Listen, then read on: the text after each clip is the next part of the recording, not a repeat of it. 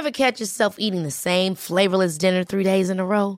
Dreaming of something better? Well, HelloFresh is your guilt-free dream come true, baby. It's me, Gigi Palmer. Let's wake up those taste buds with hot, juicy pecan-crusted chicken or garlic butter shrimp scampi. Mm. Hello Fresh. Stop dreaming of all the delicious possibilities and dig in at HelloFresh.com. Let's get this dinner party started. Hey, it's Danny Pellegrino from Everything Iconic. Ready to upgrade your style game without blowing your budget? Check out Quince. They've got all the good stuff shirts and polos, activewear, and fine leather goods, all at 50 to 80% less than other high end brands. And the best part? They're all about safe, ethical, and responsible manufacturing. Get that luxury vibe without the luxury price tag. Hit up quince.com slash upgrade for free shipping and 365 day returns on your next order. That's quince.com slash upgrade.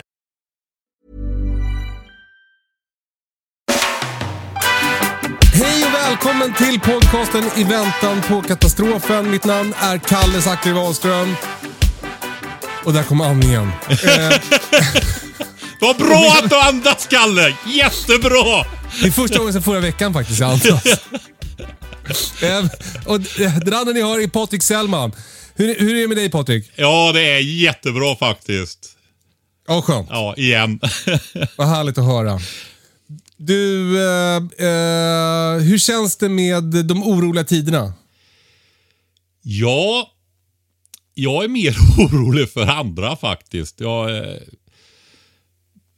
hoppas folk är införstådda med vad som är på gång i världen. Alltså, ehm, jag tänker på alltså, konsekvenserna av det här just med, ja vi pratade ju förra gången det här om att har man funderat på att dra igång det där grönsakslandet eller skaffa de där kaninerna eller hönorna eller bikupan så gör det i år. I år är det året man ska börja va. Eller utöka det man redan har om man har tänkt det.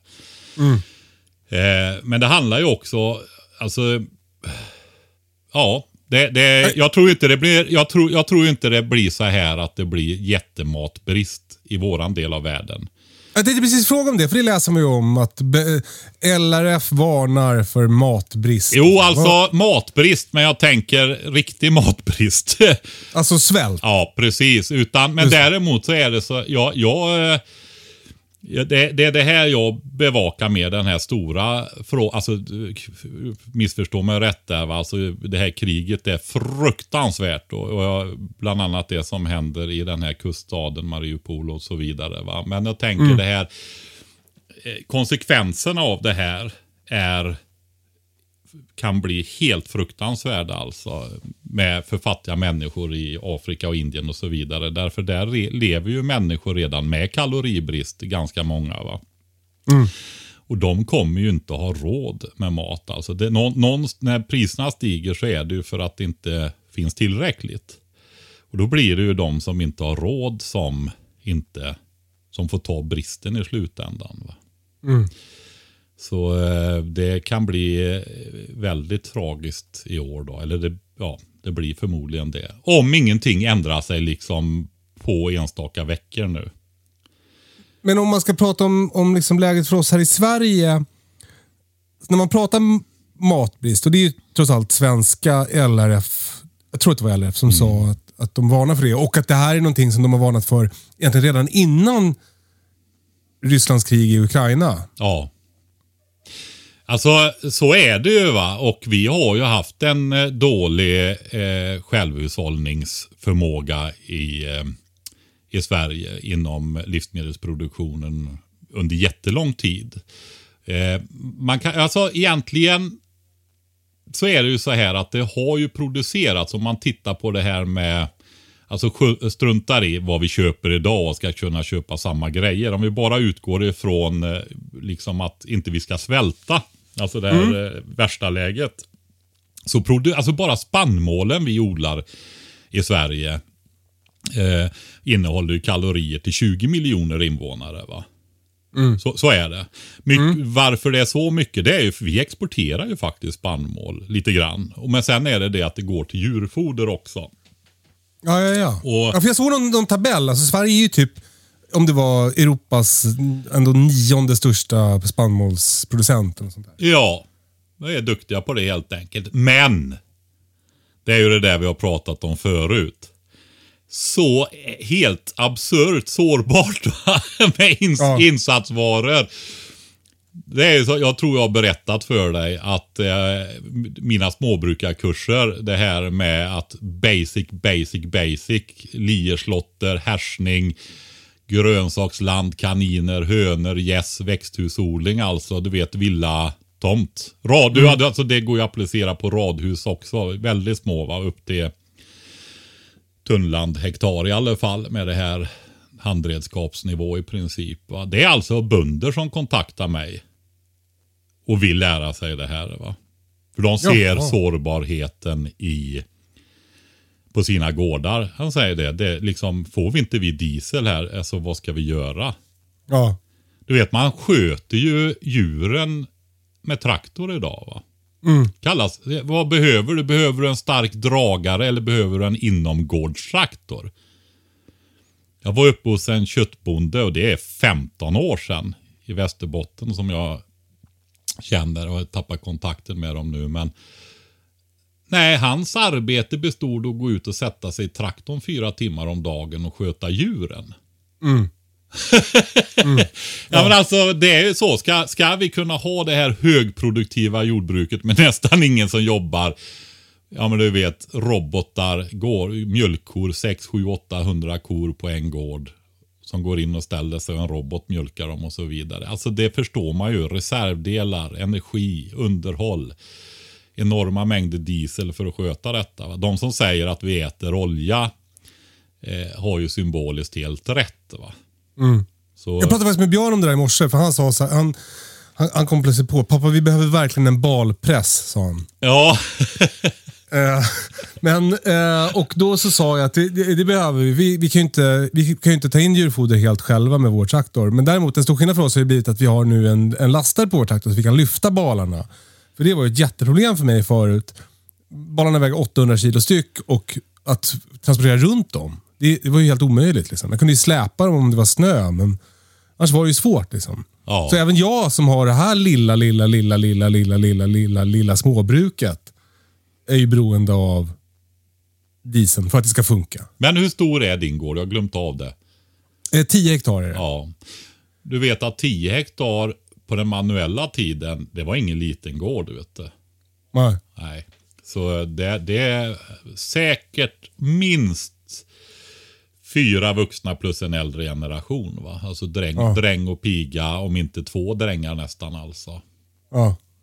Och det vore, vore drömmen. Ja, volon, volontärer kallas de nu för tiden, Kalle. Just det, just det. Så kan man ta betalt för att de ska få komma också. Ja, precis. Jag slänger ut den. Om det, om det är någon som är sugen på att lära sig småbruk och eh, vill komma hit och hjälpa mig lite så, eh, så kan ni mejla mig. Mm. Mejladressen finns på Kalle och Britta Grejer på Instagram. Och jag säger så här då, jag ska fundera på det där. Alltså om du vill komma hit. Nej! Om jag... Drömvolontären Patrik Sellman. Ja, ja, ja. Jag skulle ju inte säga det faktiskt. Eh, egentligen. Det är ju jättemycket bättre med, om man har kunskaperna själv, att man eh, har en ung, jätteladdad, eh, ar- superstark arbetsam volontär istället. Så är det ju. Alltså att jag ska komma till dig. Men, Ja, ja det är precis. precis. men jag tycker, en grej som jag tyckte var spännande som du nämnde nu Patrik, det är så här, om vi ska fortsätta köpa samma grejer och så här. Tror du att den här matbristen kan leda till att vi måste ändra vad vi äter? För det känns ganska spektakulärt tycker jag. Alltså, Det känns ju väldigt stort. Ja, alltså det gör vi ju. Det gör vi. Jag, kan, jag vet inte hur det är för dig, men eh, jag är inte en människa som normalt sett tittar vad saker kostar när jag handlar i affären. Nej. Det beror inte på att jag är svinrik, för det är nästan tvärtom. Det är bara att, ja det har ju säkert en personlighetsgrej, men också att eh, jag vill ha viss mat helt enkelt och jag vill ha kvalitet. Va? Så är det. Men öka priserna väldigt mycket. Och vissa grejer, om det blir väldigt dyrt, vissa tider på året och så vidare, när man egentligen inte ska äta de grejerna, det, det brukar vara ett tecken på att då, då är de väldigt dyra. Eh, ja, men då väljer du ju bort det per automatik. Och så tror jag det kommer att bli nu också. Att priserna stiger. Ja men alltså, jag, jag tänker på det här, vad ska bröd kosta här fram i höst? Alltså vetepriserna är väl... Jag har faktiskt inte kollat. Jag sa, lite, sa ju för högt på konstgödsel eh, förra gången där. Åh nej. Jo. Du får göra en rättelse nu då. Ja, det är, eh, har ökat eh, fyra gånger, inte sex. På vä- alltså fem gånger på vissa, jag hörde i USA var det fem gånger nu. Så att det är ju det där fyra, fem, sex gånger. Och det kommer nog, om det inte är sex gånger nu så kommer det väl att bli det ganska snart. Ja. Så är det. Och du menar att brödpriserna kommer gå upp så mycket också? Nej, det tror jag inte, men de kommer att gå en bra bit på vägen. Jag tror att det är på väg att dubblas om det inte redan har gjort det, vetepriset alltså. Ja. För, Så, Det eh, kommer att gå hårt åt oss. Vi som är storkonsumenter av korvbröd och hönekakor här hemma. Det är mina barns godaste. ja, de får lära sig äta dina hantverksbröd istället. Ja visst, tjena. Ja, men du. Eh, jag vill bara ta en grej till då. Om bränslepriserna går upp. Det gör de ju då. Det påverkar ju matpriserna för det går åt mycket bränsle i jordbruket. Men, och det, transporter. Och transporter. Men det är ju allt annat transporteras ju så mycket. va. Och det, har vi, det är ju inte bara i Sverige man pratar vi har höga eh, drivmedelsskatter och så. Det har vi ju. Vi har ju, om inte högst så bland de högsta i världen. Och, men det är ju det att dieselpriserna går ju upp över hela världen. Mot vad det brukar vara. va. Och det kommer ju att påverka priserna. Jag ser här. Jag har eh, tidigare lagt inköp ifrån bygghandeln till exempel. De höjer väl priserna någonstans med 20% vid nästa månadsskifte här nu. Va? Rätt över. Alltså det kommer väl att slå lite olika kanske. Men eller också gör de en generell prishöjning. Jag vet inte. Har de hunnit gå ner sen det var sådär dyrt? Var det i somras eller var det förra sommaren som det var så otroligt dyrt? Det har backat lite. Men jag har ju sett att eh, Alltså det är ju nästan en fördubbling. Och när det, om det går upp 20% till nu då, då är det ju en fördubbling av priserna mot för några få år sedan då. Kan du då dubbla priset på en bikupa? Nej, men så blir det ju inte i och med att materialkostnaden är är, Ja, just det. är Det del, jobb- ditt delar av. Ja men, ja men precis va. Du har ju, om man grov, grov säger det så är det ju materialkostnaden, eh, arbetskostnaden och så har du ju allmänna företagskostnader, någon form av overheadkostnader. Just Då, det. va? Så, mellan tummen och pekfingret så säger du att det är en tredjedel var. Va? Och då är det ju så att den där material tredjedelen, den dubblas ju. Just det. Ja, så att eh, ska folk överhuvudtaget överväga att köpa en massiv träkupa hantverksjord så kan man inte dubbla priset för det utan då kanske du får lägga på och höja priset med, med den där tredjedelen där till då. Just det. Så, så är det väl snarare då. Men jag har inte gjort det riktigt än. Men eh, jag får väl göra det sen här framöver. Du är för snäll Patrik.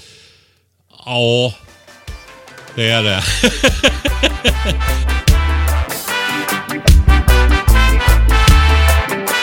En grej som är speciell med eh, eh, kriget, Rysslands krig i Ukraina är ju att kärnvapenhotet har på något sätt bl blommat upp igen. Kanske man, det kanske är dumt att använda ordet blomma i det här sammanhanget. Men, men eh, det var ju en grej som under kalla kriget var väldigt eh, eh påtaglig i världen.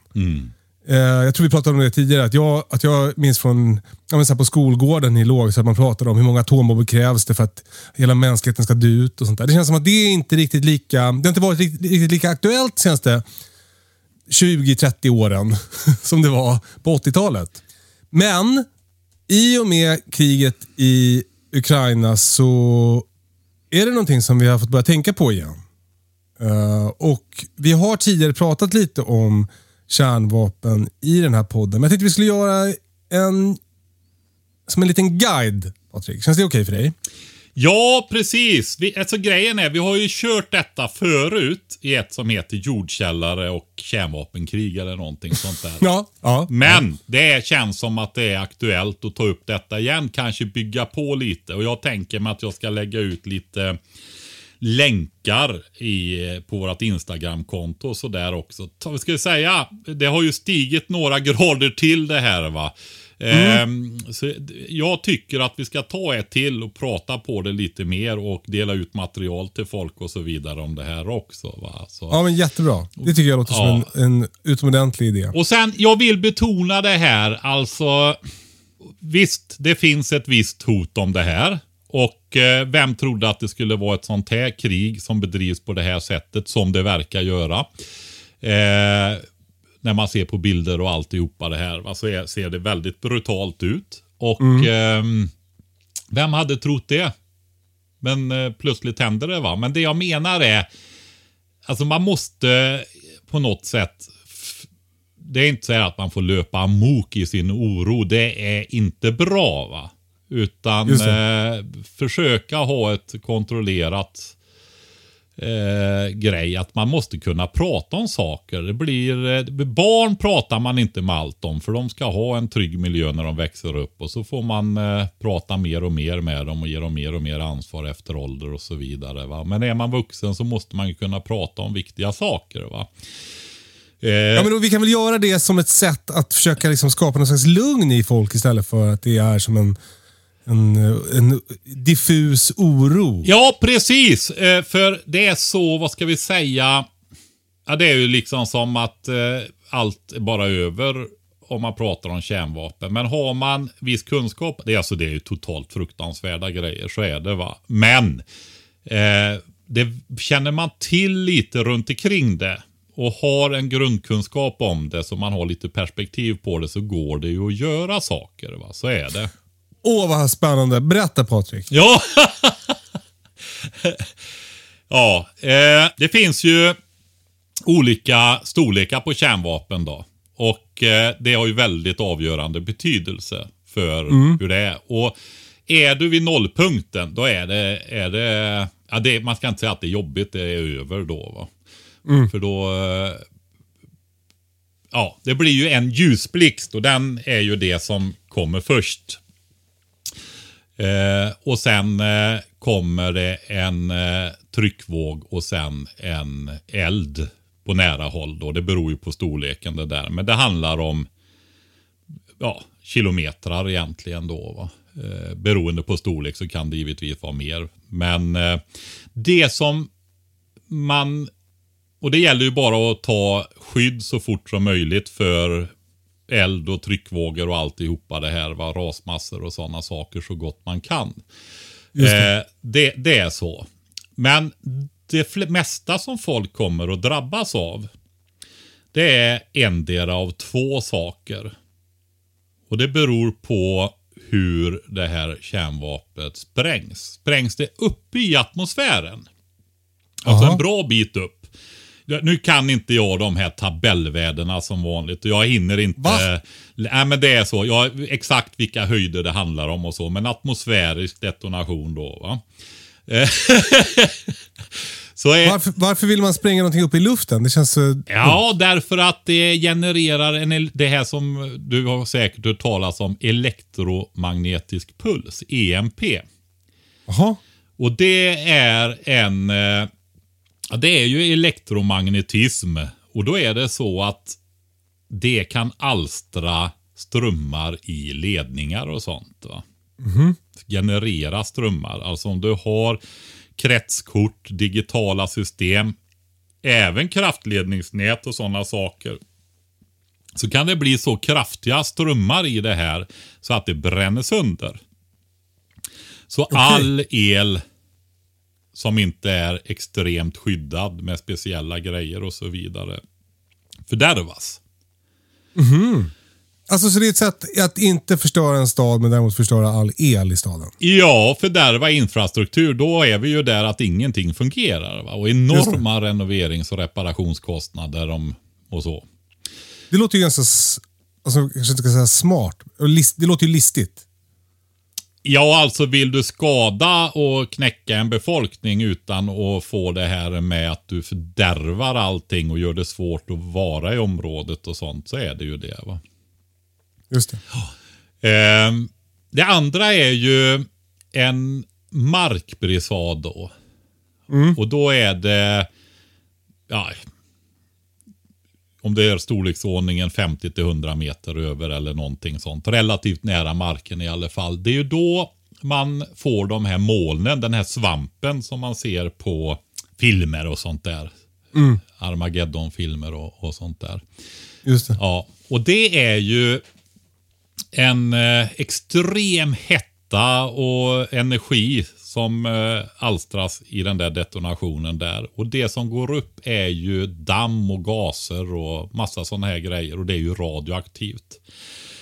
Och det går ganska långt upp i atmosfären det där. Och beroende då på hur vindar och sånt är så förs ju det här ut över landet. Det, alltså, det kan ju röra sig tiotals mil. va? Alltså ja, tio i extrema olyckliga fall med stora bomber och extremt olyckliga väderförhållanden och sånt så kanske du dubblar det där. Eh, nedfall, radioaktivt Ja, det är nedfall. det man kallar nedfall. Ja, radioaktivt nedfall. Det blir som ett damm alltså att du... Ja, från att det liksom snöar ute. Ett sätt då, om man inte har mätinstrument och så vidare där, det är ju att lägga skiva ute på backen och se om det faller ner damm på den. En vit skiva då. Va? Det, det, är- Tv-spelet Fallout har ju fått sitt namn. Det heter Fallout på engelska. Ja, Fallout om man vill söka på engelska Ja. sidor då. Det är ett väldigt bra tv-spel. Ja. Det var efter min tid. Jag spelade lite tv-spel, men det är 20 år sedan tror jag. Men du, eh, får man backa bandet eller? Jag skulle vilja veta vad, vad ett kärnvapen är. Alltså det är ju en eh, kärnklyvning som sker väldigt, väldigt fort. Det är ju det, alltså mm, det blir andra eh, processer. Men om man tänker sig ett kärnkraftverk, där kör du en kontrollerad klyvning. Och du kan ta vara på den där energin som frigörs genom att värma vatten och köra genom en ångturbin och tillverka elektricitet. Och det är ju det som sker i kärnkraftverken. Just det. När, när det är en eh, kärnvapenbomb så frigör man den där energin allt på en gång. Och rakt ut i luften. Ja, i omgivningarna då. Va? Så är väl det. Och, och varför bildas det en explosion då?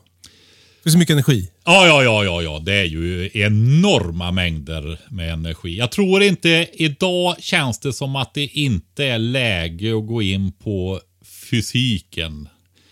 Sådär jättedjupt eller eh, ja, så. Alltså det, är ju, det som sker är ju att materia omvandlas till energi. Jag, jag ringer upp dig i eftermiddag för att berätta noggrannare. Ja, så får vi göra, Kalle. Ja, jag tänker lite mer... eh, Ja, men du vet, vi har ju fått mycket nya lyssnare och det är många som har uttryckt oro för sådana här grejer. Och det märker vi framförallt för att de frågar om skyddsrum också. Jag tycker det är lite tidigt att och gå över till skyddsrum. Vi behöver prata mer om, om kärnvapen då så man förstår grundprinciperna där. Va? Men, Just det, men vi, vi var på markbrisad. Ja, precis. Och då, det är ju då du har det här med de fysiska skadorna ofattbara i, i nära nollpunkten då va. Men då, och då har jag en fråga till dig. För jag, jag har då läst eh, i min filterbubbla på internet att anledningen till att det blev sån otrolig ödeläggelse i eh, Hiroshima och Nagasaki 45 Ja, var för att de, det var så, hus var byggda på typ papper. ja, Och att en modern stad står mycket bättre mot ett kärnvapen. ja. Om du tar motsvarande storlekar så gör det ju det va. Betongkonstruktioner och så vidare. Absolut. Det är ju, eh, är ju, en, det är ju högst energi närmast nollpunkten då. Ground zero heter det på engelska då, va? man känner igen den. Eh, det, så är det ju. Men då ska man ju också veta att de kärnvapnen som var i Nagasaki och Hiroshima, de var ju väldigt små.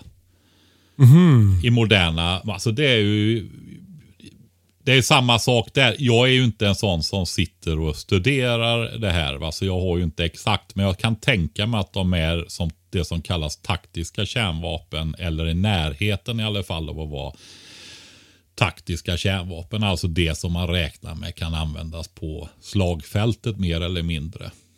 Och det, det här var min nästa fråga, om jag får bryta in. Det är hur, liksom, hur, hur ser användning, den eventuella användningen av kärnvapen ut? Jag tänkte just på det här med taktiska och, och, och liksom, hur, hur använder en, hur skulle Ryssland kunna använda kärnvapen i den här konflikten?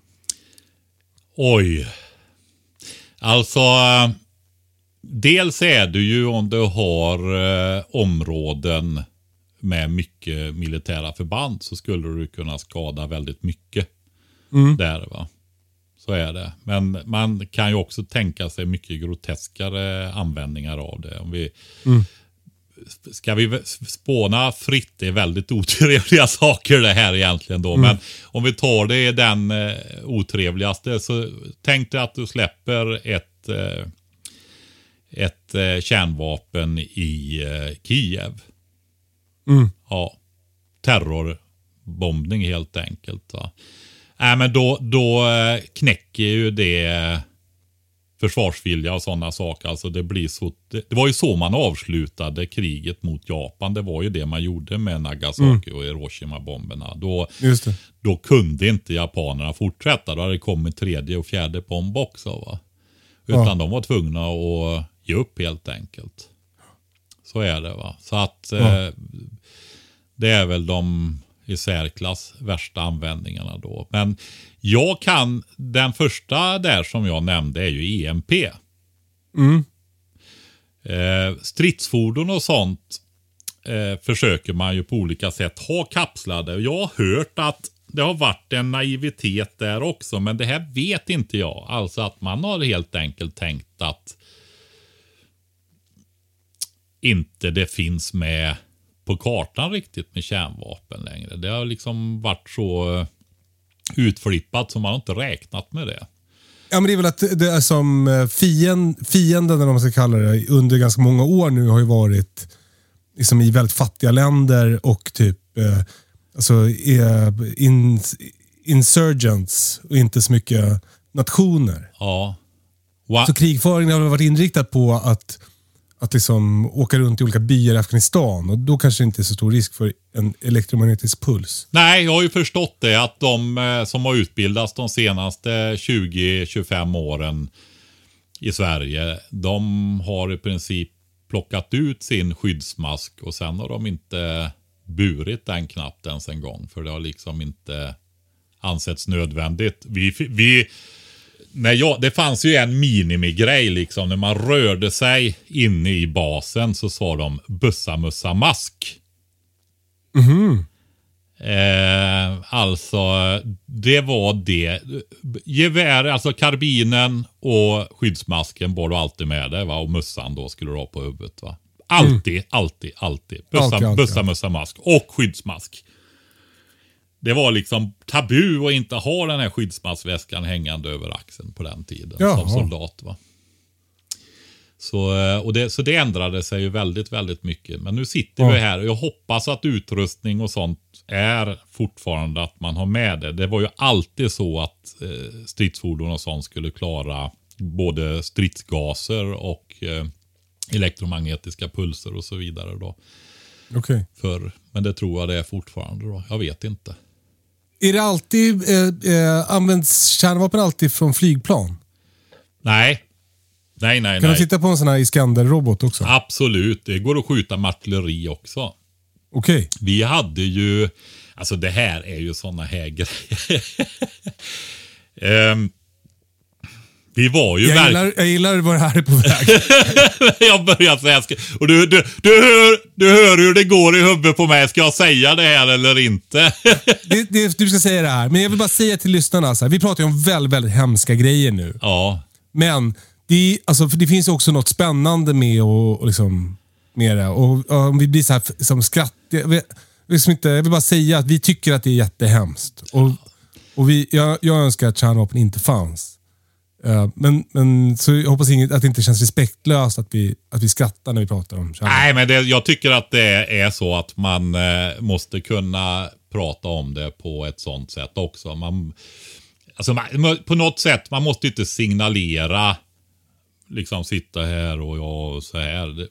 Det, blir jättejobbigt att lyssna på det Ja. också. Va? Så är det ju. Ja, ja. Men grejen är så här. Det var ju inte självklart att vi skulle försöka begränsa det här med kärnvapen. Utan det var ett reellt hot. och... Eh, Sverige var väldigt duktiga på det här med kärnenergi och sådana saker. Då, va? Och vi hade ganska länge eh, bandkanonvagnar uppe i norr. Jag tror de var från 60-talet. De fanns ju, var ju kri- krigsplacerade även när, eh, på 80-talet och jag tror de fanns med in på 90-talet också.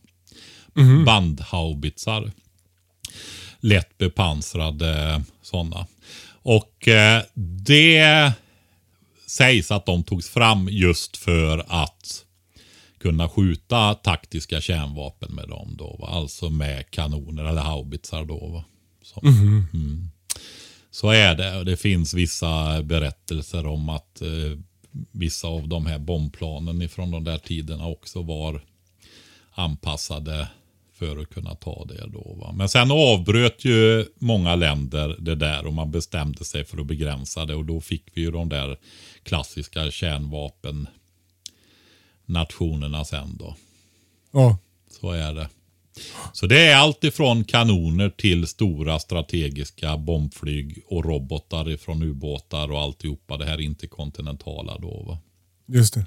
Det som är lite... Alltså det här är ju siffror som, eh, som jag har sett redovisas i någon sån här eh, känd tidskrift. Eh, det som är nu då, det är ju det att eh, Ryssland har ju mycket materiel och sådana saker. Och det gäller bara både konventionell materiel, antal stridsfordon och sånt där är ju högre än vad till exempel USA har.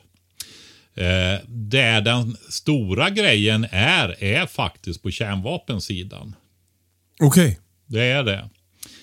Eh, jag har för mig att det är 5000 stridsspetsar i Ryssland ungefär. Och det är ju så att när du skickar iväg en robot så kan den ju ha flera stridsspetsar som delar på sig sen och går mot olika mål. Va? Oj. Men 5000 stridsspetsar då. Och jag tror att USA har aktiva 1500.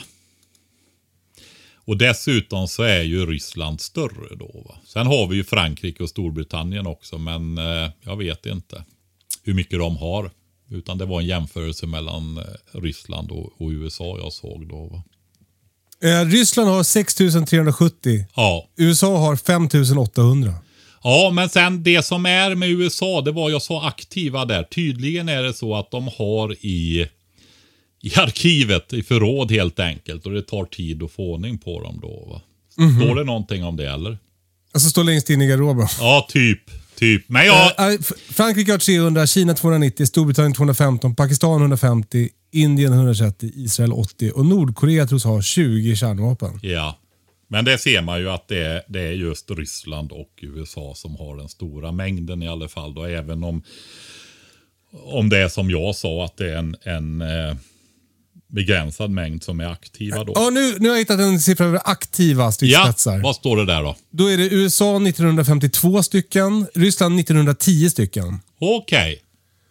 Eh, men ja, så det är, det är Ryssland och USA som är de, de som har Ja. Och hur gamla är de uppgifterna? Ja, de är det är Wikipedia, så det är väl uppdaterat. Antar jag. Ja, det är inte alltid det är det faktiskt. Men, eh, ja, ja. Den artikeln jag läste, den var ju väldigt uppdaterad då. Men, men. Ja, det, det är i alla fall... i nej, det. det, det, det är mycket i alla fall. Så är det va. Och det, det som jag ville förmedla är i alla fall att det är i allra högsta grad där som Ryssland är mer jämbördig. Och det, det. det. är ju det som är att är en riskfaktor i det här då. Va? Att, ju, alltså, ju sämre det går för Ryssland i Ukraina, desto närmre... Ja, det finns väl någon teori om att de kommer närmare att använda taktiska kärnvapen. Alltså incitamenten ökar, ökar ju. Sen är ju frågan om de gör det eller inte. Va? För att det är ju så nästintill otänkbart. Va? Men man vet aldrig. Så är det. Men i alla fall, jag tänker gå tillbaka till det här då. Vi var vid nedfall. Och eh, det är ju som sagt det som kommer att drabba de största områdena. Och det som är jätteviktigt att veta då, för vi har ju liksom erfarenhet av det här med kärnkraftsolyckor och sånt där och Tjernobyl. Och det, mm. det är ju där nere i till och med de södra delarna av Ukraina tror jag. Eh, där är det ju så här att det är en eh, annan radioaktivitet som tar längre tid. Mm. Den radioaktivitet som kommer utav kärnvapen har väldigt snabb halveringstid. Okej, och halveringstid betyder? Alltså tiden för att strålningen ska halveras. Ja. Och eh, Det innebär att efter två dygn ungefär så har du en procent av strålningen kvar. Är det fortfarande farligt då? Nej, kan vara totalt livsfarligt. Det beror ju på vad de 100 procenten var från början. ja, Okej, ja. ja, tack. Ja. Nej, men om du, om du tänker dig så här att du har en, en, det här nollpunkten då där detonationen sker. Och så blåser det i en vindriktning. Då får du ju liksom som en kon som går ut däråt och då kommer du ha väldigt hög radioaktivitet liksom i kärnan på den en bit ut och sen mm. avtar ju det där och i sidorna och längdriktning så avtar det. Så de största ytorna kommer ju att ha en kraftig strålning inledningsvis som kanske efter ett par tre dygn är nere på nivåer så att det inte är så farligt igen. Va? Medan i den här starkare kärnan i den här vad ska jag säga, avlånga ballongen som går ut då i vindriktningen. Där kanske du får vara i skydd en vecka eller mer då för att komma ner. Va? För, för det är ju så här, efter två dygn, jag tror det är, om man ska vara noga, att det är 49 timmar istället för 48, så är det 1% kvar. Mm. Eh, jag ska länka till en bok, en gammal klassiker som finns som gratis pdf-fil. Den finns att beställa i en modernare upplaga sen och det gör jag på Instagram. Där kan den som vill gå in och titta på tabellvärden exakt och så vidare då. Va? För det är som jag brukar säga så här att Ah, jag är ingen detaljmänniska. Jag är mer helhet och sammanhang faktiskt. Så alltså att eh, kolla mer exakt där. Eh, men det innebär ju då om du har en hundradel kvar efter två dygn. Mm. Efter ytterligare två dygn, då har du ju en hundradel av en hundradel. Alltså, om vi tar i tio steg så blir det en hundradel, det är en procent kvar. Sen är det en promille 0, och då blir det ju en... Ja, 0,1 promille är det ju kvar. Alltså en tiondels promille efter fyra dygn då. Va? Och går det ytterligare två dygn då, då har du ju en tusendels. Först en, Ingenting. Då börjar det bli väldigt små. Så att det man ser här, det är ju det, de här skyddsrummen. Eh, jag tror jag ändå ska ta lite vad är strålningen är för någonting. För om man vet det så förstår, kan man ta, tänka på saker. För det finns ju mm. temporära skydd och så vidare också som man kan använda. Va? Ja, bra. Och det finns temporära skydd som inte är så bra som de verkar dessutom. Eh, jo, det är tre typer av strålning i, i det här fallet. Då, det man kallar för alfa, beta och gamma. Mm. Alfa och beta det är partikelstrålning. Det är alltså eh, atompartiklar, alltså de har en massa. De har, mm. en, de har en tyngd och så vidare. Va? Så de faller ju ner också. Eh, de har väldigt kort räckvidd. De här partik eh, partiklarna då. Innan de ramlar ner på marken? Nej, om du har dem på dig. Så de som är äldre Jaha. och gjorde värnplikten på den, den gamla tiden under kalla kriget.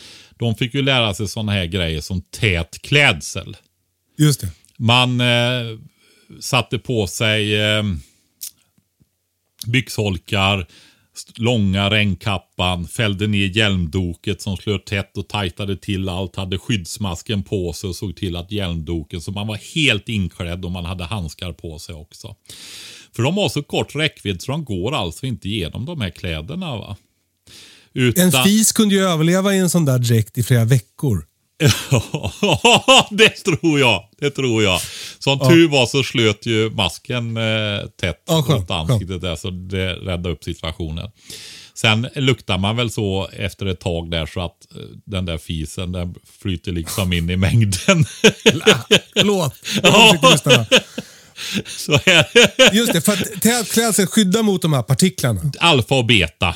Och eh, det som är allvarligt med dem då, det är det. Får du dem på huden, då skadar de huden och du får de här brännmärkena och det här. va. Mm. Det skadar huden.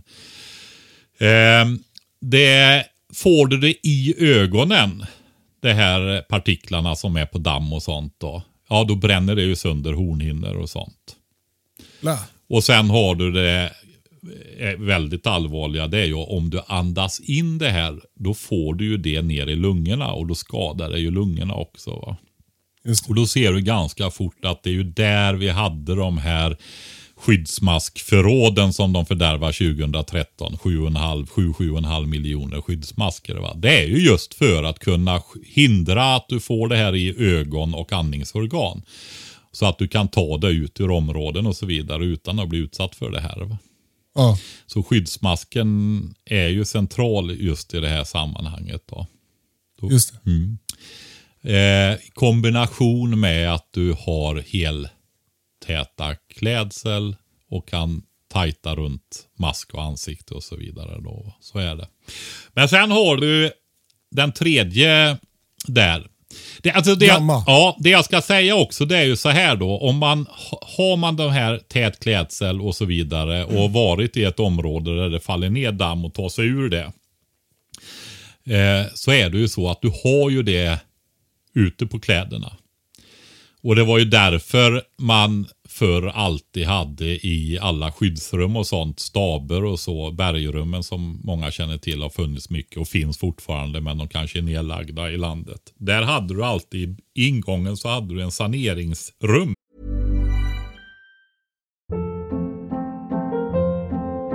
Hold up. What was that? Boring. No flavor. That was as bad as those leftovers you ate all week. Kiki Palmer here, and it's time to say hello to something fresh and guilt-free. Hello Fresh. Jazz up dinner with pecan-crusted chicken or garlic butter shrimp scampi. Now that's music to my mouth. Hello Fresh. Let's get this dinner party started. Discover all the delicious possibilities at hellofresh.com. I'm Sandra, and I'm just the professional your small business was looking for. But you didn't hire me because you didn't use LinkedIn jobs. LinkedIn has professionals you can't find anywhere else, including those who aren't actively looking for a new job but might be open to the perfect role, like me. In a given month, over 70% of LinkedIn users don't visit other leading job sites. So if you're not looking on LinkedIn, you'll miss out on great candidates like Sandra. Start hiring professionals like a professional. Post your free job on linkedin.com/people today. Quality sleep is essential. That's why the Sleep Number Smart Bed is designed for your ever-evolving sleep needs. Need a bed that's firmer or softer on either side? Helps you sleep at a comfortable temperature? Sleep Number Smart Beds let you individualize your comfort so you sleep better together. JD Power ranks Sleep Number number 1 in customer satisfaction with mattresses purchased in-store. And now, save 50% on the Sleep Number limited edition Smart Bed for a limited time. For JD Power 2023 award information, visit jdpower.com/awards. Only at a Sleep Number store or sleepnumber.com. Där fick man alltså ta av sig kläderna, gå och duscha och sen eh, fick du en ny omgång kläder som du skulle ha på dig inne i stabsledningscentralen okay. och så vidare. Då, va? Så att man blev inte fick med sig det här in. Men får jag fråga bara då, alltså för alla oss som inte kanske har liksom militärens skyddskläder hemma. Mm. Vad, vad, vad, finns det några civila kläder som, som skyddar? Regnrock är bra eller? Ja, absolut. Och då är det ju kanske bästa är ju de gamla klassiska galonkläderna i så fall. Va? Och rejäla kängor och tjockare handskar och sådana här grejer där det inte kan rinna igenom så enkelt. Alltså allt som är vattentätt kan man tänka också skyddar rätt bra mot, mot alfa och betastrålning. Ja, det skulle jag säga. Sydväst. Jajamensan, men du ska, Ja. men du ska också ha det runt nacke och öron och, och den här biten också runt där tajt upp. Ja, men då, låt säga att man vill liksom eh, MacGyvera ihop några skyddskläder hemma då. Vad, vad ska man ta? Alltså det, är det var jättebra att du sa sådär va, för att det är ju så här, det går ju inte att få tag i skyddsmasker nu i princip va. Eh, jag tror de är nere och köper skyddsmasker från första världskriget folk, alltså museiföremål nästan. Eh, och grejen är ju så här att jag har ju berättat principerna där va. Du har ju, det här är ju den här helmask, du vet som täcker hela ansiktet och så. Det var ju det man Men alltså, allt är ju bättre än inget. Alltså om du börjar med och har, du har några gamla skyddsglasögon och har tyg höll jag på att säga. Så begräns, Det begränsar ju vad du får i ansiktet. Alltså t-shirt, du, du, det är alltså som det absolut sämsta som ändå är bättre än inget va. Ja, Alltså det är ju det här, ge aldrig upp. Laga efter läge och lös uppgiften. Finns inget annat så ta till det som finns. För det bättrar ju på dina marginaler. Det är det jag vill säga med det här. Inte säga att det eh, ersätter en skyddsmask. Va? Det är viktigt. så det är bättre att ta liksom skaljacka och cyklop än att inte ha något alls? Ja, typ. Och så sky skydda ansiktet med, med tyg eller någonting sånt där. Va? Hals, du vet, scarfar eller vad som helst egentligen. Va? Ehm, och sen har du ju det nästa sådana här grejer som har varit aktuellt under pandemin. Du har eh, N95, N100, alltså sådana här vanliga eh, filter, fiberfilter. Jag skulle säga till och med sådana här vanliga enkla munskydd är bättre än ingenting. va.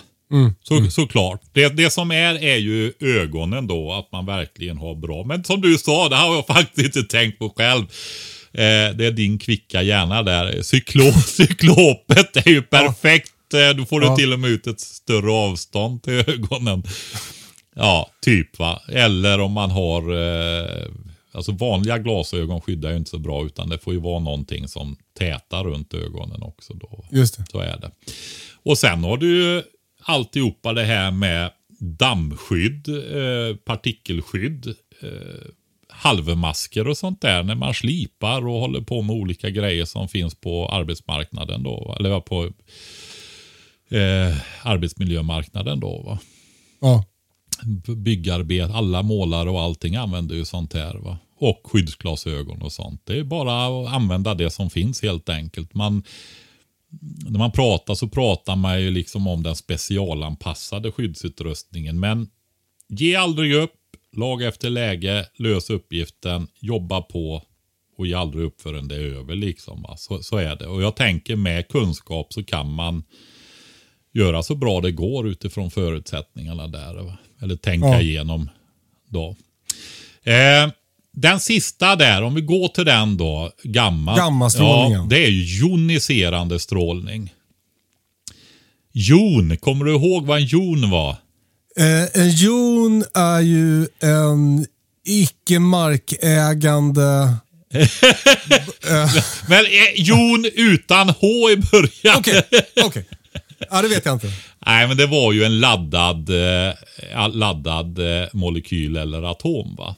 Och det Ja. betyder ju då att det är en elektron som saknas. Eller Okej. extra elektron kan de ha också. De ville ju... Ah, vi fördjupar oss inte i det här med elektronskal och valenselektroner och sånt där. Men i alla fall, joniserande, det är alltså ultraviolett, du vet det här med solbränna och sånt där. UV-strålning är joniserande strålning. Okej. Och Det betyder att det är så mycket energi i strålarna så när de träffar en materia, en atom alltså. Materia består ju av atomer då.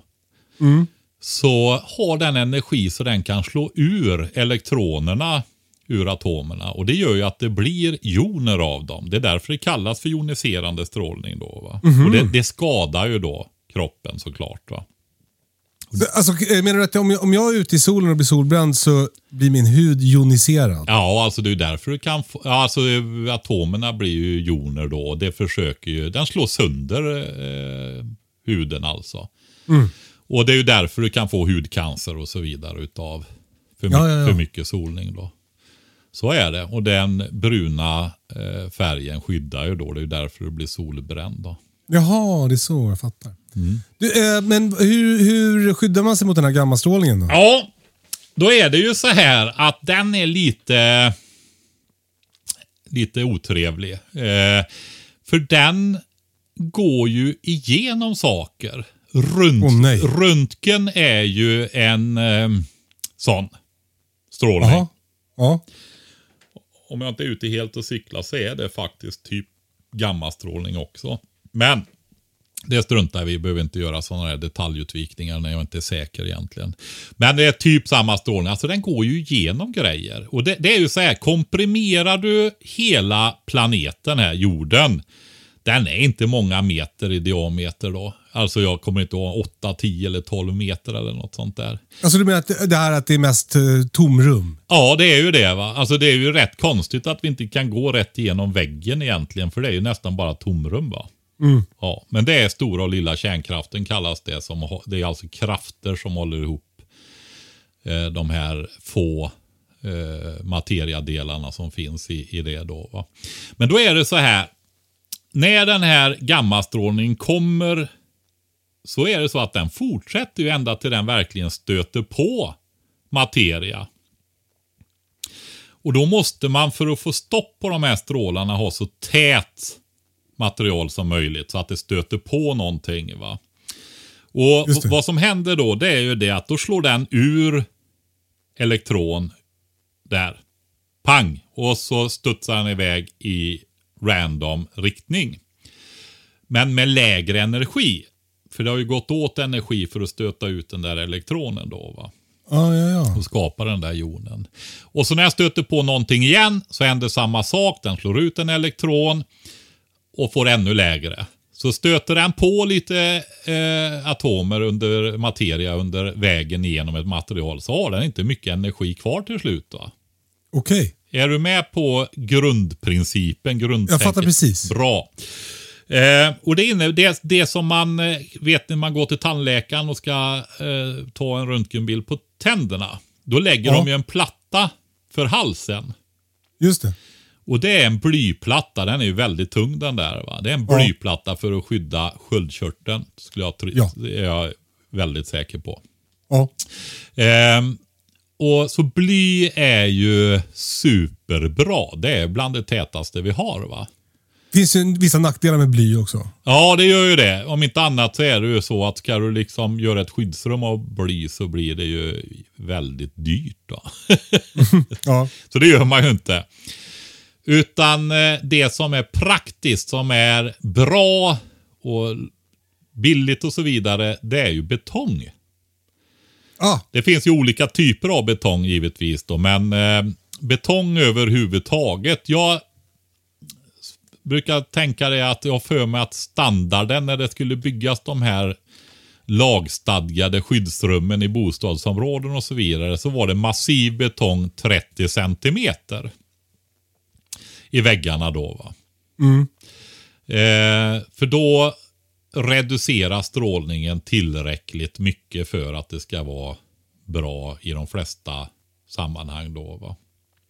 Och sen efter betong, ja men då är det sand och jord och sådana här grejer. Som eh, ja, 80-90 centimeter då istället. va. Och det är ju vad du har runt en jordkällare egentligen. För att hålla temperaturen i den. Det som är viktigt när man tittar på källare och sånt där, för där får du ganska fort 80-90, om det är jorden går upp efter väggarna i en källare till exempel. Det är ju bara de övre delarna som, som är ovan jord. Som, är, som inte har jord där. Va?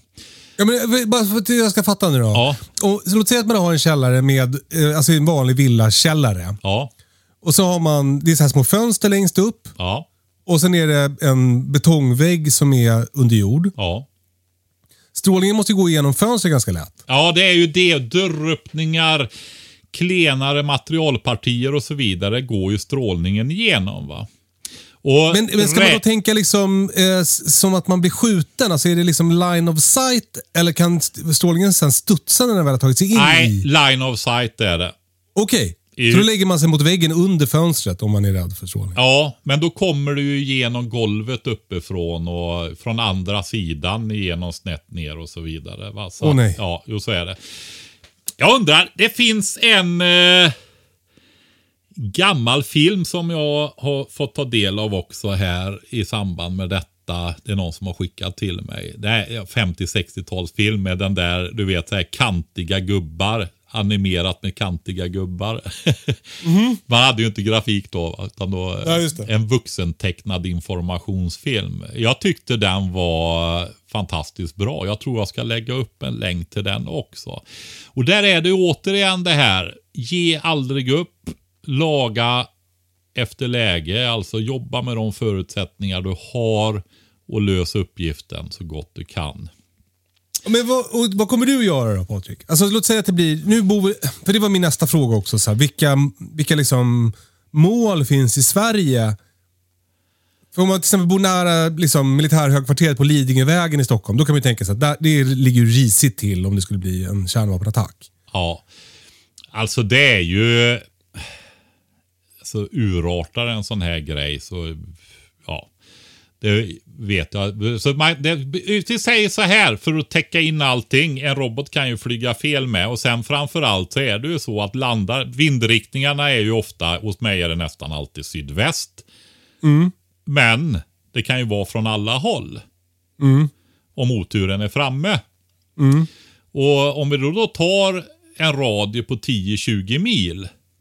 Ja. Då är det ganska många grejer och felflygningar och alltihopa som om man har otur, om oturen är framme då. Va? Just det. Men grejen är ju så här.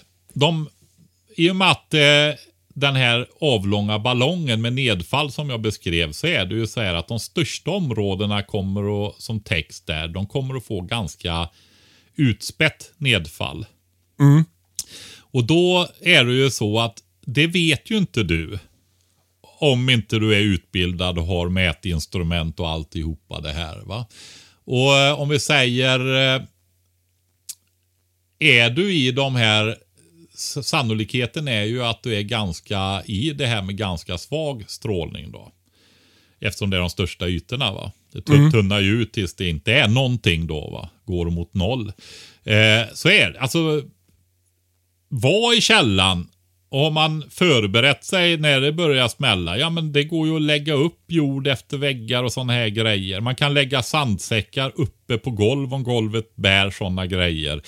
Jag såg till och med den gamla informationsfilmen att böcker, alltså mycket papper, tät papper, kompakt papper, la de i lager, flera lager med bokstaplar uppe på golvet för att kunna ha skydd neråt i källaren och så vidare.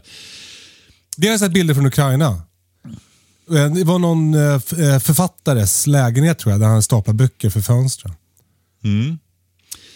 Eh, alltså sådana sk- skiktade, alltså lager och sånt, det är ju skydd mot eh, kulor och, och splitter och sådana saker också då va. Men vad, skulle du göra om det blev... Alltså ja, det, Samma det, vad ska jag, det är ju lite känsligt just vad jag skulle göra då. Jag vet inte om Jag vill säga det i podden. Men jag har, Nej. jag har en plan och jag har en plan för väldigt många människor. Jag pratade till och med med kommunen om det igår. Så. Och han, eh, för jag visste inte hur, jag har haft lite dålig koll på det de sista åren går så fort, vem det är som jobbar på den tjänsten nu då. Men han kände faktiskt till det här. Eh, som jag tog upp med han då. Men det, det, det är ju så då att eh, är det större utrymmen då så är det ju så här att ehm, Nej, men alltså om det är många människor som kommer in där och så behöver man sitta där ett antal dagar. Vi har ju varit inne på det här med toaletter och sånt där i lägenhetsområden och sopsäckar och sånt där. Tänk dig då skyddsrum och sånt istället där va. I flera dygn tätt. Eh, det är otroligt viktigt att sånt där förbereds och tänks igenom. Vad, hur ska situationen vara i de där skyddsrummen om de behöver användas? Va? Och du vet eh, tre-regeln. Hur länge klarar du dig utan vatten? Hur är det att sitta, alltså du, vi säger ju tre dygn då, va? sen får du obotliga njurskador och dör ganska kort därefter. Då, va? Eh, men hur är det att sitta i ett skyddsrum då? Och veta att du måste sitta kvar där, du kan inte gå ut. Bland alla människor med all oro och, och allt som är där inne. Och en del mår verkligen inte bra ens av att vara, åka hiss. Va? Ehm. Och så vet man inte vad, som händer utanför och så får man ingen information och så kanske man känner folk som inte är med. och så... Ja, alltså det, det är förskräckliga situationer. Va? Så är det ju. va. Och ehm, ja, barn och sådana grejer som ska vara där inne och sånt där i den här miljön också. Som känner av alltihopa det här. Va? Så att det gäller att fungera. Va? Och det, det absolut mest nödvändiga det är ju det här med ehm, ettan och tvåan, alltså avföring och urin då. Va? Och eh, vatten. Så, eh, och sen är det ju det här att faktiskt kunna sova.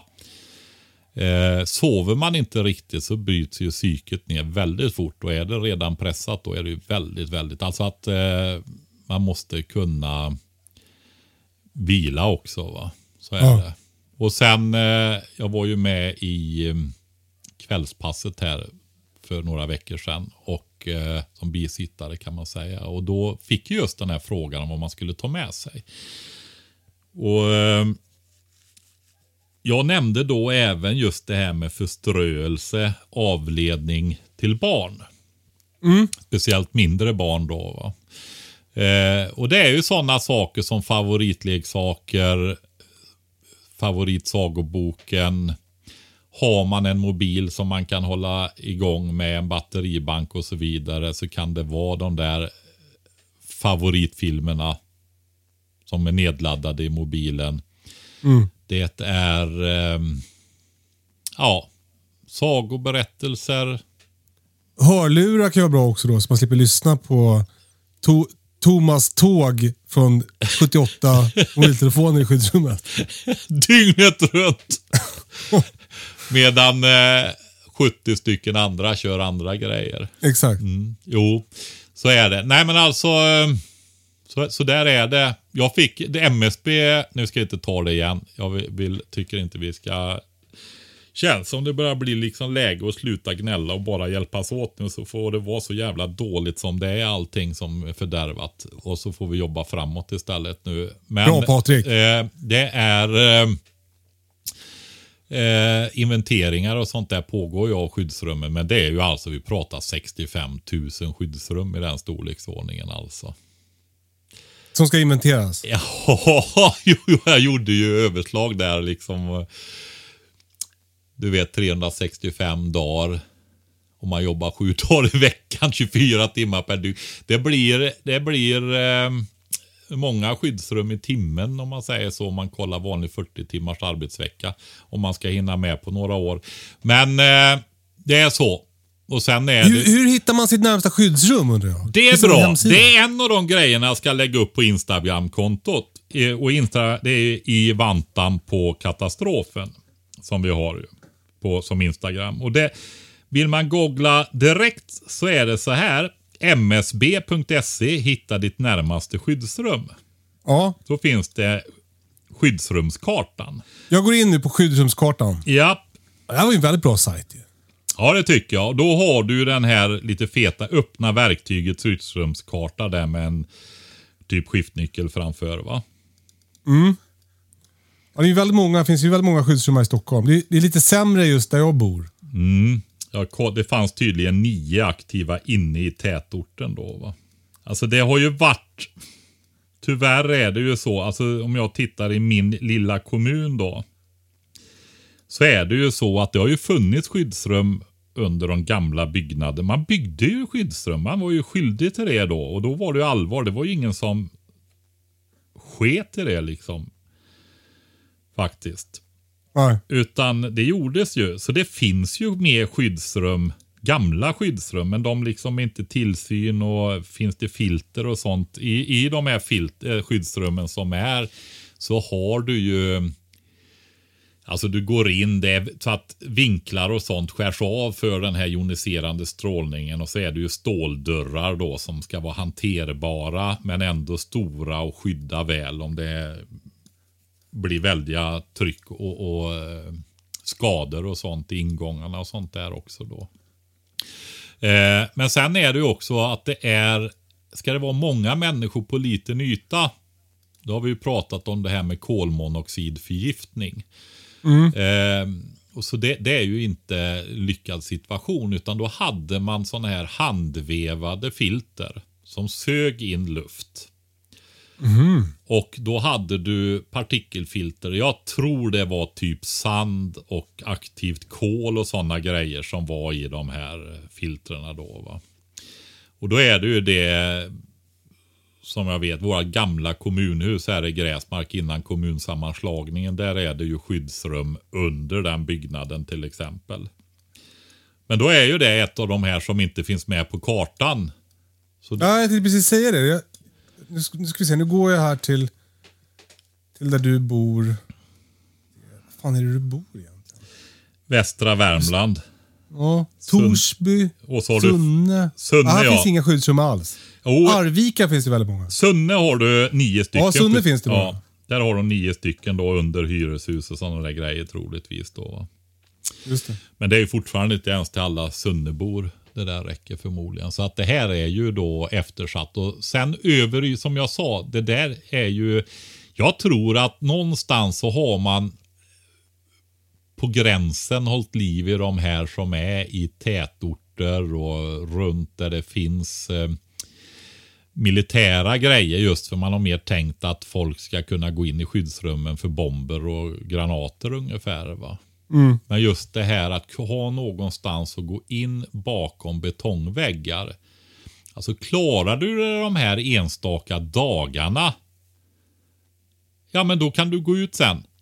Fortsätta med dopen och studenterna och bröllopen och så vidare med familjen. Va? Och gör du inte det och blir strålningsskadad.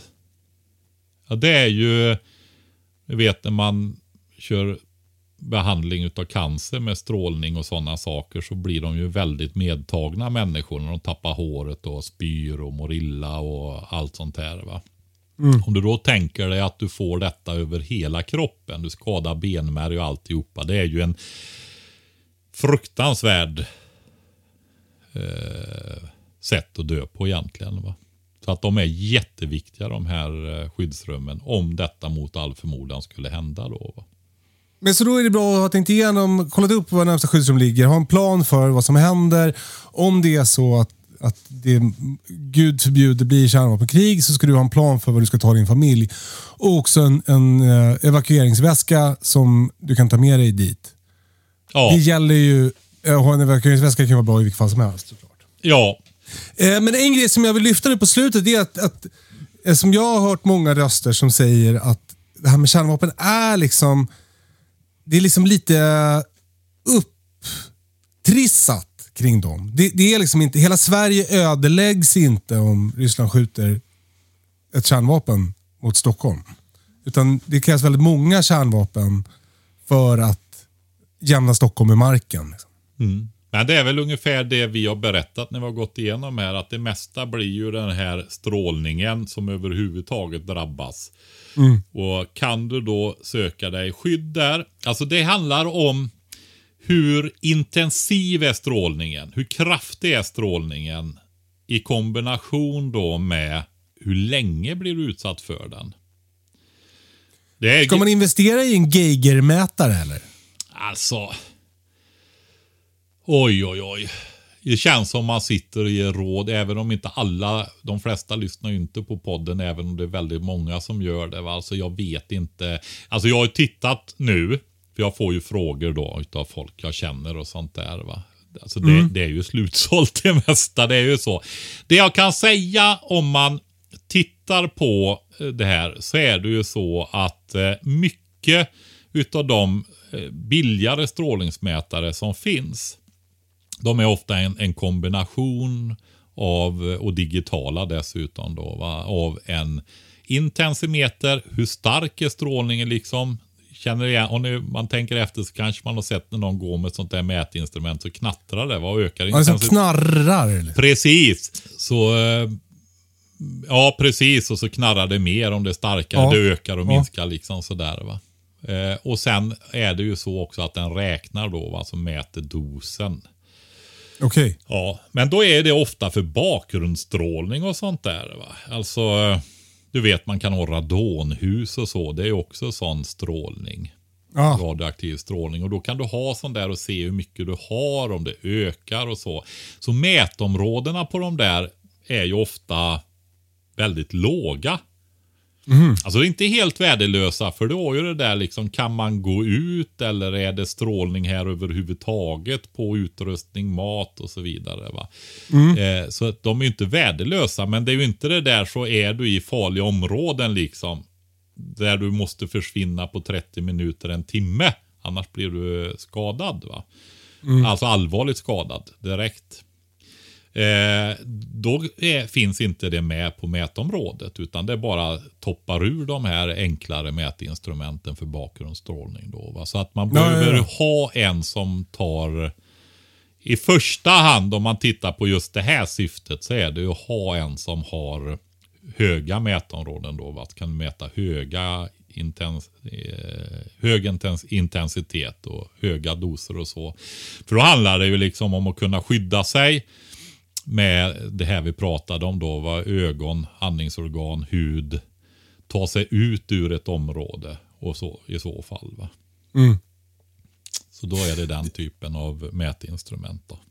Du Patrik, får jag återvända lite till eh, den elektromagnetiska pulsen? Jajamensan. Därför att jag känner att vi skulle behöva bara snacka igenom det så att man fattar vad det innebär. För du sa sådär att det kan, som elledningar kan, vad sa du, börja brinna eller? Alltså inducerade strömmar.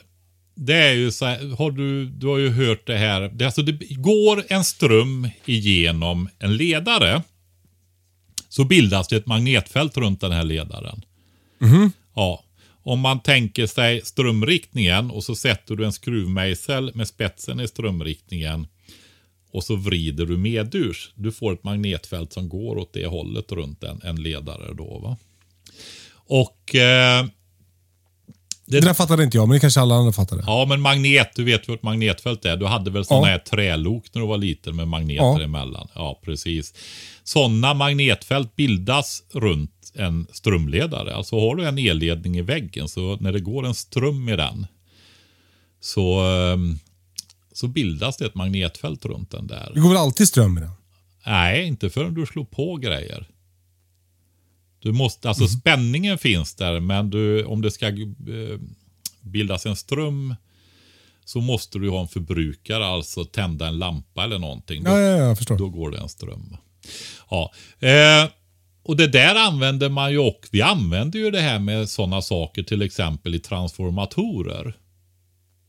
Eh, när du transform, du har ju de här 400 000 voltsledningarna som går i landet och så för att det ska bli små värmeförluster.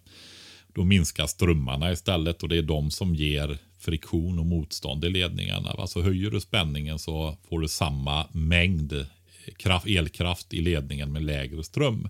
Och sen när du kommer ut i distributionsnätet så transformerar man ju ner den här till 10 000 volt och när det går ut i hushållen så är det 220 volt.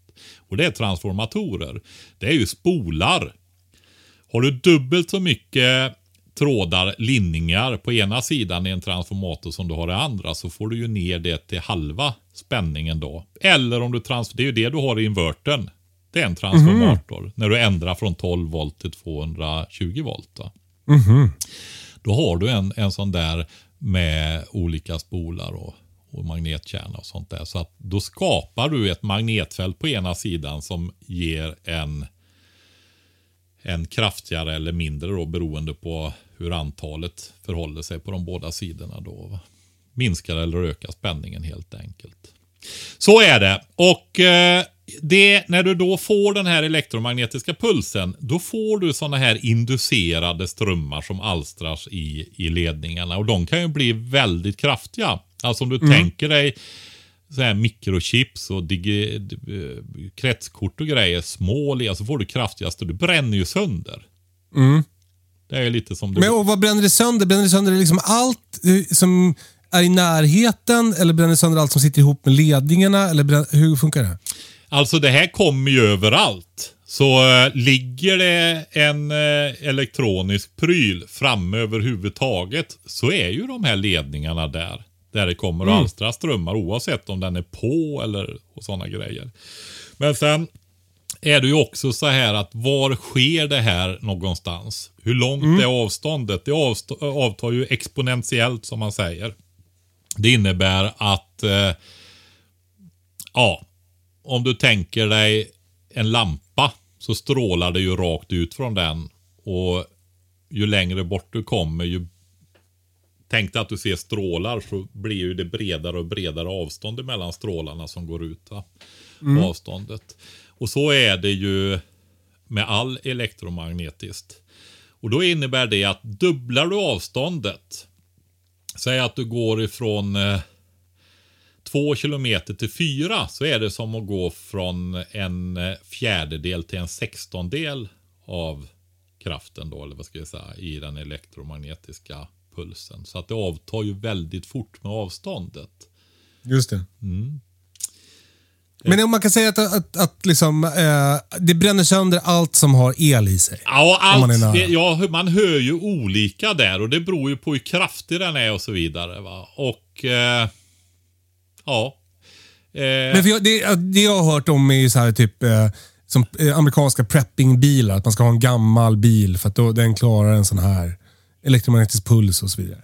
Ja, det de brukar säga är väl hur går det med startmotor och sådana där grejer med linningar och sånt där. Va? Men det, all, all den här styrelektroniken som är i moderna bilar är ju bekymmersam då. Va? Just det. Men en gammal bil ska man i, i teorin kunna rulla igång då. Ja, i princip eh, så är det ju så man tänker i alla fall. Jag är inte helt, jag hör lite olika grejer och som jag sa det beror på avstånd ifrån de här detonationerna och så vidare då. Va? Som hur kraftiga är de, vad skadar. Vill man skydda utrustning och sånt där så är det ju Faradays bur som gäller. Och, eh, Som vi alla vet vad det är. Ja, det är ju att ha en eh, metallbehållare egentligen då. Va? Det är ju det vi pratar om åska och sätta sig i bilen. Det följer ju ytterkanterna på, eh, på bilen då. Den här laddningen då. Va? Så att det går på, i skalet på bilen och inte inne i bilen. Eh, när det gäller elektromagnetiskt då så behöver den här behållaren vara tät. Det, fi- om du har en, en dörr eller ett lock eller någonting på en sån behållare så eh, behöver du ha en list som tätar i skarven och så där. Och det finns Alltså hur tät då? alltså en list som eh, tätar eh, skalmässigt alltså. Det går ju inte att ha en skumgummilist där va. För det, Det måste vara en metalllist. Ja, typ så. Det finns sådana produkter att- att köpa. För det finns ju tillämpningar på det här som inte har med kärnvapen och sånt att göra. Va? Så det finns som produkter på marknaden då. Och sen, Men, eh, sen kan du inte ha hål och sånt i den heller helst då, utan då får du ju täta där. Och hur mycket energi ett sånt här skal kan ta upp, det beror också på tjockleken och materialet och så då. Men om man lyssnar på det här nu och tänker så här, jag vill skydda mig mot en elektromagnetisk puls, eller jag vill i alla fall tänka på det. Ja, Liksom, vad är, vad, vad, vad är, ge, ge oss en 1, 2, 3-lista. Nej, men alltså. Jag tror inte du ska ha antenner i radioapparater och sådana där grejer framför allt då. Va? Eh, och sen, det är ju också det där. Men det har man ju. Ja, alltså, jag har ju en antenn ja, i min radio. men om risken ökar så kanske du inte ska ha det. Mhm. Nej. Och sen är det ju återigen det där, alltså nu är vi ju inne, vi, har, vi tänker oss, vi har massa nybörjare som har börjat lyssna på podden. Det är väldigt... det är för sent. Ja, det är för sent. Ja. Advanced level nu. Det är, alltså skaffa mat och vatten först. Ja, ja. Nej, men om du har elektronisk ut, du, du vi säger så här, du har i alla fall två sådana här walkie-talkies som du pratar om där. Va? Som, du, som du absolut vill ha till varje pris.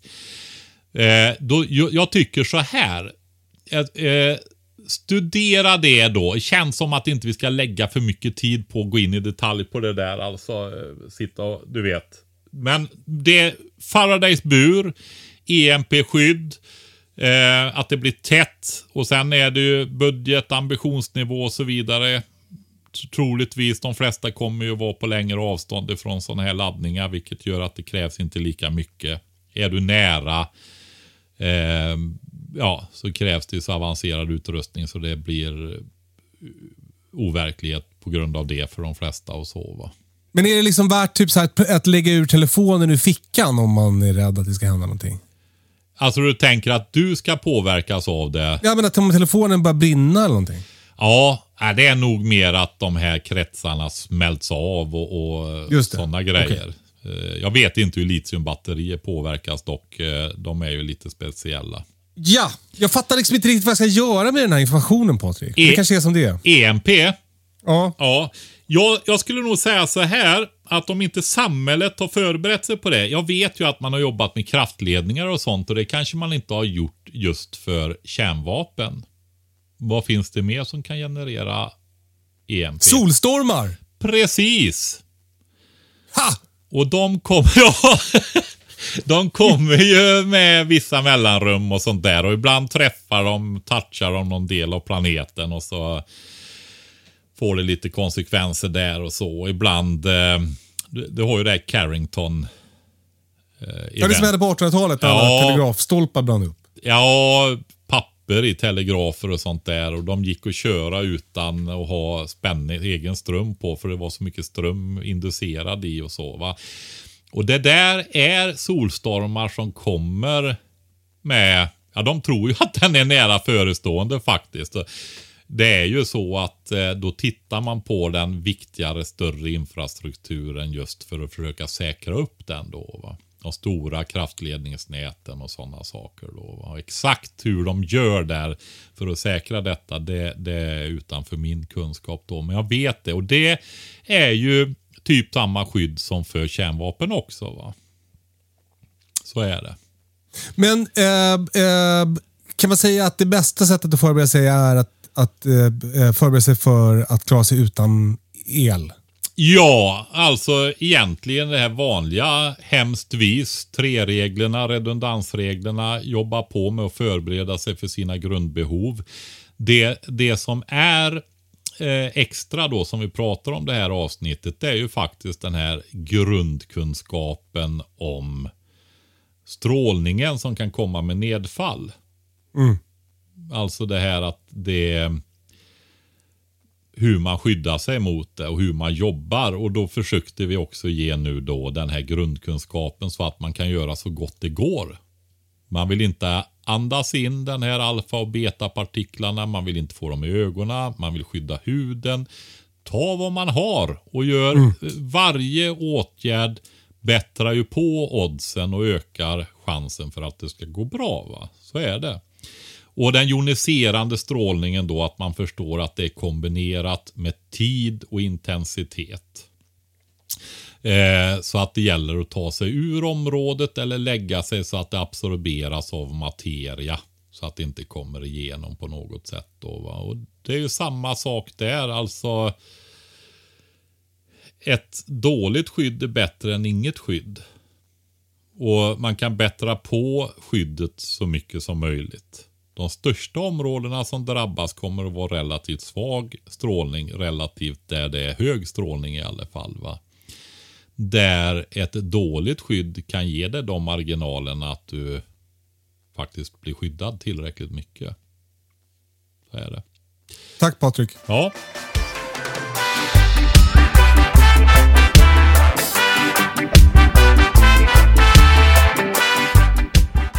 Eh, har- du bråttom iväg Patrik? nej det har jag inte. Ja, har, har du tid med en snabb grisfråga?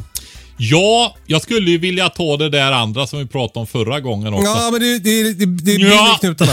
ja, då tar vi grisfrågan då får vi se om jag kan hjälpa. Är det olagligt om ett vildsvin har betäckt en av ens gyltor? Nej, alltså olagligt. Det, det, det jag vågar faktiskt. Jag är inte helt säker Vi på kollar det. upp det innan vi släpper podden. Eh, jag tror att en av mina gyltor är eh, dräktig. Ja. Eller jag är ganska säker. Jag vet Om att vi är. säger så här, om vi tittar på det historiskt så är det ju så att man har ju blandat eh, vildsvin och till exempel linderödsgrisarna för att öka genetiska bredden och sånt där. Perfekt, perfekt. För det är det som har hänt i alla fall. Jag, jag kom ju ner eh, i början på december, så kom jag ner i hagen eh, och det var inte två grisar som vanligt utan tre grisar i min hage.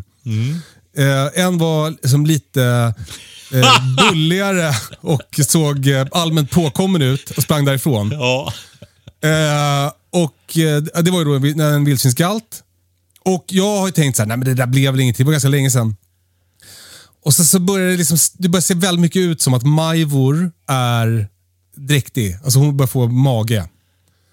Eh, och så bara började jag räkna, för jag har hört att det är tre månader, tre veckor och tre dagar från beteckning tills att de föder med grisar. Stämmer Ja, det? ja. Eh, och eh, Det är den första april, alltså om nio dagar. Eh, åtta dagar när ni lyssnar på det här. Eh, så jag, jag tror att Majvor kommer att få kultingar då. Och, och jag, jag känner att jag skulle behöva eh, förbereda mig inför det. Ja.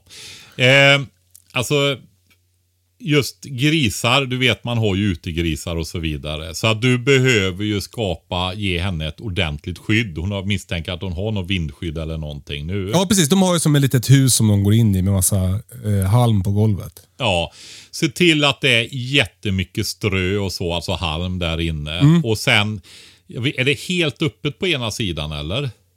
Eh, nej, det är som två ingångar kan man säga.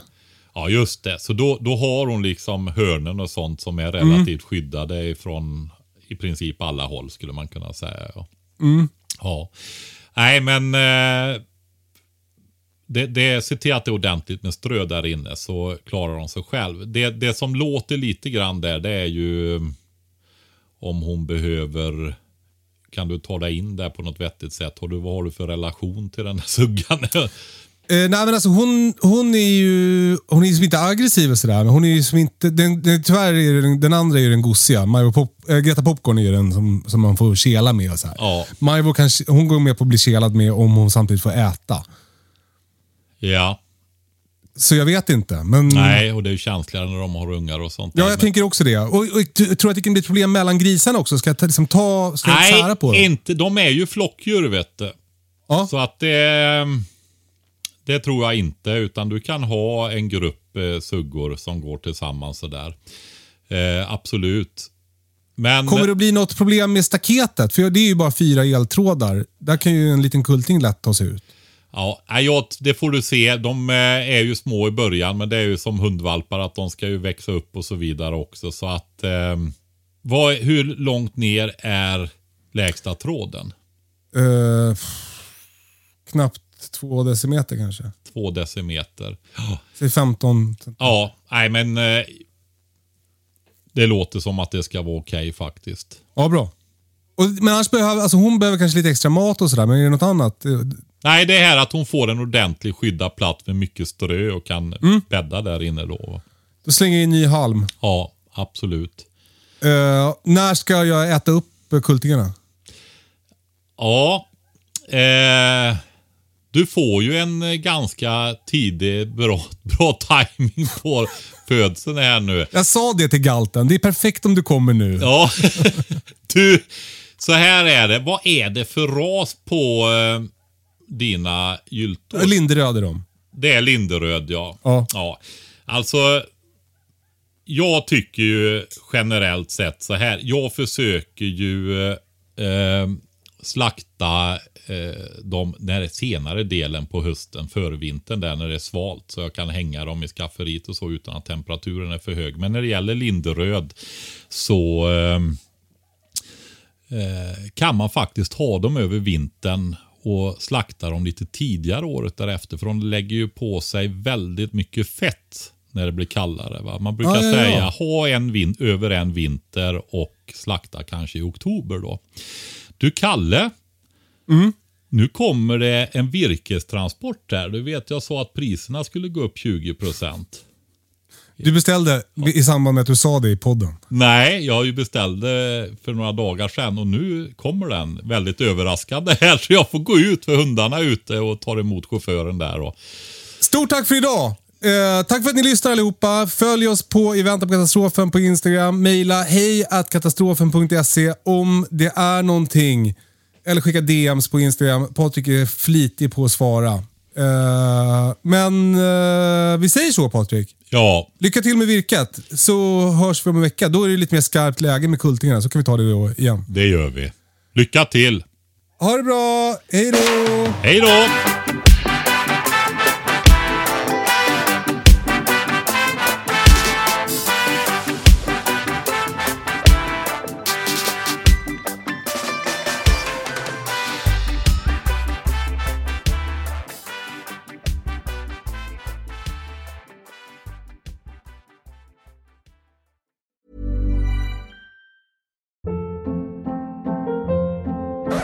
Hold up. What was that? Boring. No flavor. That was as bad as those leftovers you ate all week. Kiki Palmer here, and it's time to say hello to something fresh and guilt-free. Hello Fresh. Jazz up dinner with pecan-crusted chicken or garlic butter shrimp scampi. Now that's music to my mouth. Hello Fresh. Let's get this dinner party started. Discover all the delicious possibilities at hellofresh.com. Imagine the softest sheets you've ever felt. Now imagine them getting even softer over time. That's what you'll feel with Bowl and Branch's organic cotton sheets. In a recent customer survey, 96% replied that Bowl and Branch sheets get softer with every wash. Start getting your best night's sleep in these sheets that get softer and softer for years to come. Try their sheets with a 30-night guarantee. Plus, get 15% off your first order at bowlandbranch.com. Code BUTTERY. Exclusions apply. See site for details.